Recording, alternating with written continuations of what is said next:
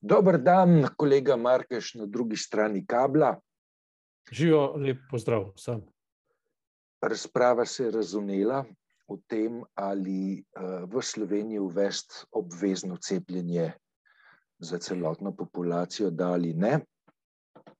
Infektologi so rekli, snemamo rokavice, epidemiologi pravijo, zadeve niso tako enostavne. Ustavni pravniki so pred časom rekli, da pod določenimi pogoji bi bilo cepljenje lahko celo obvezno. Neke strpne debate o problemu, ki ni enostaven, pa, pa po mojem mnenju ni, ampak dajva jo midva odpreti, pa da vidiva, kam lahko to zapeljeva. Si ti za ali si proti obveznemu cepljenju?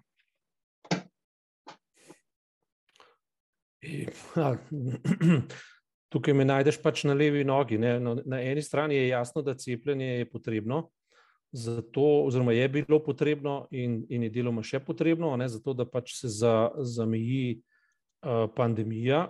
In v tem smislu človek ne more biti drugačen, kot da, da pritrjuje cepljenju, cepljenju, ki je na ta način, na nek način obvezno v smislu, vsebinskem smislu. Ne, se pravi, če tega ne storimo, na svetu lahko pride do ene velike zmešnjave. Na drugi strani so pa seveda, je pa vprašanje človekovih pravic in pa človekove svobode. Ne. Se pravi, ali lahko nekoga prisiliš, da se odreče svoji svobodi, tudi če to svobodo uporabi neumno. Um, v tem primeru je seveda uh, ustava varuh um, pač, uh, človekovih pravic in pa svoboščin. In v tem primeru je seveda odgovor ne, ne za obvezno cepljenje. Ne. Tu stojiva nekje vmes. Ne. Um, mogoče mogoče uh, je najboljši pač odgovor ta, da se na vprašanje ne da odgovoriti enoumno. Skratka, jaz tebe silam, da mi poveš, ali je svet črn ali bel, ti pa meni praviš, da je siv in vmes še ogromno nekih odtenkov.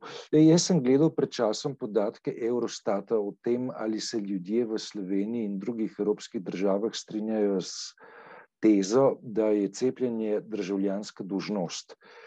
Tisto, kar je meni padlo v oči, je, da v Sloveniji med vsemi evropskimi državami praktično najmanjši delež tistih, ki bi se strinjali s trditvijo, da je cepljenje državljanska dožnost.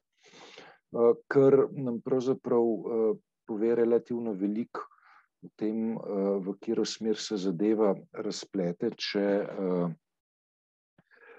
bi naenkrat se odločili ne, za to, da je cepljenje obvezno, obvezno. Neka druga stvar pa je, da mi nekaj določeni poklici imajo, ne, to poklicno zavezo, da so izvajalci poklicev za določene bolezni cepljeni. In tukaj smo na nekem, na nekem drugem terenu. Ne? Se pravi, če opravljaš poklic tak in tak, v tem primeru je cepljenje lahko obvezno, da bi pa z grožnjo storitve prekrška ali pa celo uh, kakšne druge sankcije uh, žuga ljudem, ki uh, se ne odločijo za cepljenje, je pa bolj kompleksen problem. Ne. Ja, seveda, je to že stara spinozistična dilema, ne, ker vsaka določitev je, je zanikanje nečesa drugega. Če govorimo zdaj o zadnji svobodi, ti si svoboden, pač, da se ne cepiš, ne, ampak uh, uh, in, in, in tudi nihče ne sme nič. Ne? Ampak drugi, na drugi strani ne, pa država lahko postavlja pogoje, uh, česa se ti ne smeš udeležiti, če nisi cepljen, če si prenašalec tak in drugačen, če preobremenjuješ javno zdravstvo in podobne stvari. Se to ni pravzaprav nič novega. Ne? Gre bolj za vprašanje družbenih aplikacij tega, dejstva, da mi vemo premalo, mi vemo, kaj, kaj, kaj mi dva počnemo. Mi dva zaupamo znanosti. To, s tem se verjetno strinjamo, da zaupamo znanosti. Zakaj? Zato, ker nam ostane drugega, kot da zaupamo znanosti in znanost je vendar tista, ki eh, daje odgovore na vprašanja, na katerih odgovore pač mi sami nimamo, eh, do, do teh odgovorov nimamo dostopa. Znanost pač to ve. Po drugi strani je pa seveda cepilski um, proces biznis. Um, verjetno, verjetno si gledal, je širša javnost pa tudi opazila nedeljski intervju s Slavjem Žižkom, uh, ki v Sloveniji uh, za nekatere na kontroverzen, za nekatere na dogmatičen način pač je referenca. Ne? In on kot referenca je šel celo v lapsus, da je, rekel, da je rekel, da je anticepilec, potem se je pa popravil, da je cepilec in da ga je tukaj Freud, pač, da ga bo Freud poslal v gulag, zato ker se je zarekel. Je pa iz, iz, pokazal nekakšno razumevanje, ne glede na to, da on sam, absolutno, kot je rekel, je za, cepi, za, za cepljenje. Je pa pokazal razumevanje pač do tistih ljudi, ki so se zatekli v neko območje strahu pred prihodnostjo, ki, bo, ki, ki, bo, ki bo predvsem drugačna kot, uh, kot, kot je bila preteklost, kot naše ustaljene navade. Nas je pač strah nekih sprememb in v tem smislu je COVID revolucioniral družbo in to na vseh področjih. In seveda, in to je nesorte vojna, revolucija. Ne? In v vseh vojnah imaš vojne dobičkarje. Ne? In vojni dobičkari so tudi politiki, lahko. Ne? Naprimer, dam primer, ne, današnji iz po poročanju STA in seveda tudi drugih agencij in pa seveda drugih časopisov, zlasti francoskih, je javnost razburil um, francoski predsednik Macron, ki je preprosto dal vedeti tole, ne, kot oblast ne morem nikoga prisiliti, da ga cepim, lahko mu pa zagrenim življenje do take mere, da ne bo praktično mogel početi nič več. Se pravi, ne bo se mogel deleževati ne bo mogel hoditi v kavarne, ne bo, ne bo se mogel več udeleževati uh, socialnih dogodkov, družbenih, družabnih dogodkov, v kino ne bo smel iti več, mogoče celo v službo. Ne, ne? Skratka, uh, in kaj se je zgodilo v Franciji, ne, ki je občutljiva na človekove pravice in ki je predvsem občutljiva na, na odtenke prisile in oblasti, ne?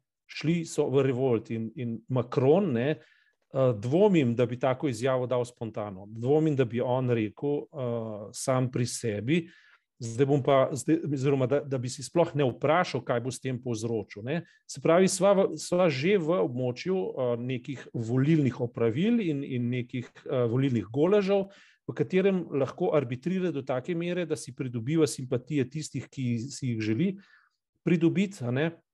Še posebej ob dejstvu, da je v Franciji cepljenih 90 odstotkov ljudi in da, zaradi, uh, in, uh, in da od teh desetih odstotkov necepljenih 80 odstotkov ljudi zaseda kapacitete v bolnicah. Se pravi, to lahko evakuiraš v, v javno mnenje. Um, in verjamem, da, da je to uh, neko zelo relevantno polje, ki pa, ki pa premesti problem od načelnega vprašanja svobode v, v operabilnost oziroma v uporabljivost vseh teh dejstev za družbene potrebe, zlasti pa za politične potrebe. Verjetno, je, verjetno si namigoval na to na začetku te, svojega vprašanja. Ne? Ne, golaž si omenil. Ne? Mi smo tudi ja. pred tem, da se začne čebulo rezati za uh, volilno kampanjo. In pač uh, v vzdušju volilne kampanje je uh, seveda ta uh, karta položena na mizo, uh, uh, tako, precej povedna. Ne? Uh, kaj sem? Ne? Pred uh, nekaj tedni je ministr za zdravje, um, ko je prišel na mizo državljanski predlog zakona o nalezljivih boleznih, ki uh, še zdaleč nima tako globokih implikacij kot um, dilema obvezno cepljenje, da ali ne. Takrat je eh, ministr za zdravje rekel, da o zakonu o nalezljivih boleznih, ki bi pač določene stvari ustrezno reguliral, v razgretem predvolilnem času pač ne moramo govoriti.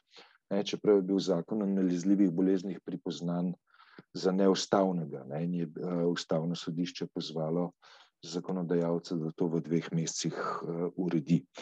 Greva k golažu, pa k rezanju predvolilne čebule. Ja, če so pri čebuli in rezanju, ne, uh, pač uh, čebule in vseh ostalih dodatkov, ki neki jedi, taki ali drugačni, ne, pač lahko ugotoviva, spravi, prvo ugotovitev bi jo ponovil, ne, da je sam virus in pandemija na nek način ene sorte revolucija. Se pravi, smo revolucionirali, oziroma so se revolucionirale družbene razmere. To je prva revolucija v Sloveniji v zadnjem letu ali dveh, In druga revolucija je zdajšnja vlada, ki je dobesedno revolucija, ne, kot zanikanje in podiranje vseh starih uh, družbenih, um, političnih in sploh ustavnih vrednot. Se pravi, imamo dva močna momenta, ki destabilizirata sedanje stanje. Se pravi, pravzaprav je glavno vprašanje, kako zdaj tisti, ne, ki prepoznavajo, zdaj govorijo pa politično, ne, ki prepoznavajo sedanje stanje kot priložnost in nujnost za vzpostavitev novega reda, ki naj bi dišal po starem redu, stari red pa v strahovih ljudi pač ni več mogoč, kako to uporabiti, kako iz tega napraviti neko relevantno prihodnost, ali tako, kot so se izrazili, uh, kakšen dan, dva nazaj na inštitutu, 8. marec, vrnite nam prihodnost. Ne? Kako vrniti prihodnost? Ne? Vrniti prihodnost pomeni uh, vrniti preteklost, ki ni enaka kot preteklost, ampak je nekaj novega. Uh, mislim, da je tudi o tem nekaj žižek govoril in seveda to povezal z strahovi, če tako rečem, in um, mogoče tudi ni na ključje, um, da se v Sloveniji glavna neznanka pravzaprav ne odvija na polju vprašanja, ali bo, ali bo zdajšnja oblast uh, dobila volitve in preživela, ampak na to, kdo in kako bo vzpostavil uh, neko novo politično uh, koalicijo ali pa enoto, ki bo zagotovila to, da se bo spet spoštovala ustava, tako kot se je že spoštovala in se mora spoštovati, kako se bo vzpostavilo recimo. Stanje uh, v, v javnem prostoru, ne, zdaj je spet pod udarom, se sliši uh, nacionalna televizija, v katerem se pospešeno kadruje in se dela neko usporednost in tako uspored, nekaj usporedno, alternativno, se pravi, novičarstvo v, v prihodnosti. In problem se zdi, ne, da, da, da pravzaprav ne bo, ne bo toliko v Janši oziroma v. V zablodelosti zdajšnje koalicije, ampak, ampak v tem, kako vzpostaviti nekaj, kar, ne bo, kar bo to pandemijo, ne, to antidemokratično pandemijo spravilo v red. Pa, pa kot rečeno, eh, eh, v Žižkovem intervjuju in tudi na splošno, tudi eh, mi dva smo to že večkrat poudarila, da glavni problem pravzaprav sploh ni Janša kot tak, ampak, ampak odsotnost vseh tistih, ki bi morali zagotavljati standarde, pa jim vedno znova spodleti za to, da potem virus lahko spet nastopi. Pa imajo enak problem tudi v Ameriki. Ne. Zdaj sem bral v ameriškem, pa v, v mednarodnem tisku, ne, kako se že zdaj bojijo naslednjih volitev v ZDA, ker ta anti-Bidenovski refleks, v katerem ne, uh, se najbolj iracionalna teza, namreč da volitve niso bile legitimne, še kar pestujejo, negujejo, še kar se dogaja uh, neka revizija dogodka, ki ga pravzaprav sploh ni bilo. Ne, In uh, ocenjujejo, da lahko usodno vpliva na naslednje volitve, kjer bi pa um, um, ameriška populistična desnica usodno zmagala. Spravi, to ni zdaj samo uh, problem Slovenije, ampak je problem uh, recimo tudi ZDA v Evropi, ne vem koliko, verjetno manj, zato ker Evropska unija ima nek status uh, racionalnosti zagotovljen skozi to zbornost nacionalnih držav in tako naprej. Ne? Ampak v, sa, v naši državi, ne, v Sloveniji, je pa, to, je pa ta dilema zelo, zelo izrazita. Uh, žal, pa kot, enako kot izrazita, tudi še, še, še kar meglena. Še, še kar ne vemo točno, kaj to pomeni, kaj pomeni uh, ime, česa so pravzaprav te volitve, koga bomo šli voliti za to, da bo drugače kot je. In, in slika še ni jasna, saj zdi se mi, da še ni jasna. Ampak, ko omenjaš Evropsko unijo kot neko uh, območje racionalnosti, ne, um, tukaj bo tvoja hipoteza na testiranju, eh, predvsem med francoskimi volitvami. Eh, se bo eh, to bodi si potrdilo, ali pa tudi ne. ne? Kaj ti no, imamo populističnega kandidata na steroidih, ne, ki lahko karte premeša. To, da, ampak imamo nekaj izkušnjo tudi iz Nemčije in, in konec koncev imamo tudi Evropsko komisijo, imamo evropske poslance in parlament, ki se vedno znova izraža v prid nekim vrednotam, ne, ki jih je, ki jih je um, zelo dobro na pravni način podal Lenarc. Saj spomnim se v intervjuju, ki sem ga delal z njim pokazal. Ne, da so neke absolutne skupne predpostavke, ki so pravzaprav evropsko-civilizacijske, ki pa jih je treba spoštovati in mimo katerih ni mogoče če Evropa. Uh, se pravi, lahko je, je Evropa, združena Evropa in je to kondicijo sine qua non Evrope. Ne? Se pravi, te vrednote rezonirajo ne, v evropskem prostoru, zdi se, da v ameriškem že malo manj, v slovenskem so pa praktično zbledele, tako kot na mačarskem, tako tudi v Sloveniji. In, tako, in zato se mi zdi, ne, da bo prihodni politikom v Sloveniji pravzaprav. Šel z, oziroma jasno slovenskega politikuma in prepoznavno za mene kot volilca, ne, bo šlo za jasnimi definicijami temeljnih vrednot. Spravi, že če greva spet nazaj na pandemijo, če greva spet nazaj na COVID, ne bo mene zelo zanimalo, kaj se je zgodilo z javnim zdravstvom in, in uh, kakšna je razlika med tem, kar smo imeli in tem, kar je, in to, kar je, je na meji katastrofe, če me vprašaš. Ne? In ali katera politična sila, stranka ali karkoli bo rekla, zelo jasno povemo, da hočemo vrednote ali pa, ali pa um, sistem, ki je bil delujoč, lahko tudi slabo delujoč, postavili nazaj in ga izboljšali do učinkovite, do mere učinkovitosti in, in do mere tega, kar je do ustavnosti, če hočeš. Ne? In to je zdaj vprašanje, na nek način, v preteklosti je bilo to vprašanje socializma, v, v sedanjosti je to vprašanje solidarnosti, vprašanje um, javnega prostora, v katerem pač ranljive skupine morajo priti do zdravstva na enak način kot tisti, ki imajo denar. Podobno je v šolstvu in podobno je posod drugot v javnem prostoru, ne na zadnje tudi na medijih. Ne? Tudi mi smo kot mediji na udaru uh, vseh možnih poskusov najedanja in načenjanja uh, temeljne dobrine. Se smo videli, kako se je na slovenski tiskovni agenciji dogajalo in zdaj, kot je slišati, zadnji veliki val, uh, rušilni val, tsunami, tako rekoč na nacionalni te, uh, televiziji. Ne? Z vsemi temi menjavami in, in, in, in, in salto, saltami mortale, uh, Eh, na kar eh, bi politični programi strank v ponudbi volilcev morali biti skrajno občutljivi. Jaz eh, se bom definitivno kot volilec odločal po teh parametrih. Dobro. Janes, hvala za tokrat. Čez teden dni nadaljujeva. Srečno. Srečno.